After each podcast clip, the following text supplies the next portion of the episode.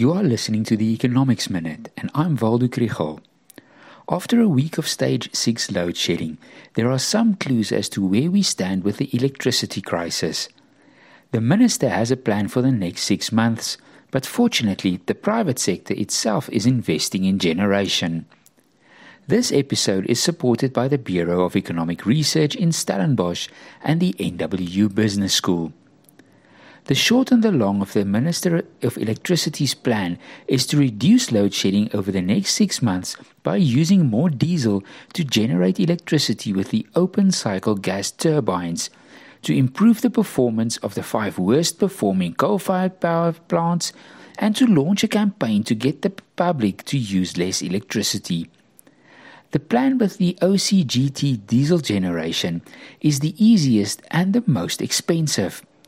The minister's proposal is to use the money that will be generated from the 18.65% electricity tariff increase together with what's been budgeted, and this should give about uh, 30 billion rand.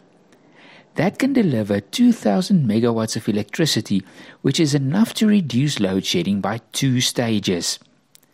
Last week, Solidarity drew attention to the private sector generation that's already happening or is in process of generating power.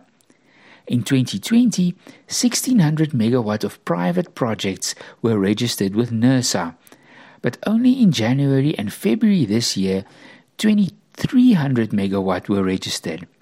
This excludes rooftop solar systems, which are estimated at 4000 megawatt. According to Solidarity, the next important step is to make it possible to sell electricity back to the network under a fair tariff structure. Lastly, former Eskom chief Andre de Ruyter will testify before a parliamentary committee this week about his allegations of the ANC's links to corruption and maladministration at Eskom. Stay tuned.